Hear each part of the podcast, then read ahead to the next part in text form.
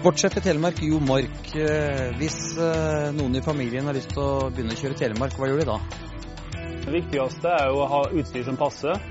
Og oss i NSF Telemark har også et bredde rekrutteringsprosjekt. Telemarknedslaget henger full av utstyr. Så ganske enkelt, Hvis du er i tvil om hva du skal velge, så kan du, kan møte opp i en av de store skisentrene gjennom vinteren. så vil oss eh, være til stede. og Der er det mulighet for å prøve utstyret før det er valg om å gå og kjøpe det.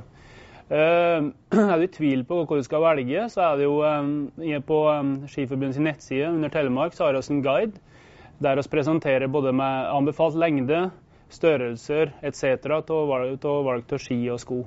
Men jeg vet jo at du er jo opptatt av, som helt sånn grunnleggende oppi dette, noe viktig som heter skiglede.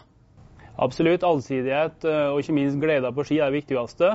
Så eh, jeg bryr meg egentlig lite om hvilke ski de har på føttene for de yngre. Det er viktig ha ski på føttene og ha det artig med det. Men i et sånt aldersperspektiv, når gutten eller jenta hjemme eh, kommer tilbake og har holdt på litt og sier at nå er jeg helt sikker det er Telemark jeg vil kjøre, hva, hva gjør de da? Jeg kan si Telemarkski er egentlig alpinski, bare at det er en annen type binding. Og det finnes jo nisjebutikker, eh, spesielt på Telemark, som eh, er større på det med valg til bindinger eller andre. Så jeg ville oppsøkt en av de større nisjebutikkene for å få en god innføring i hvilke bindinger du bør velge.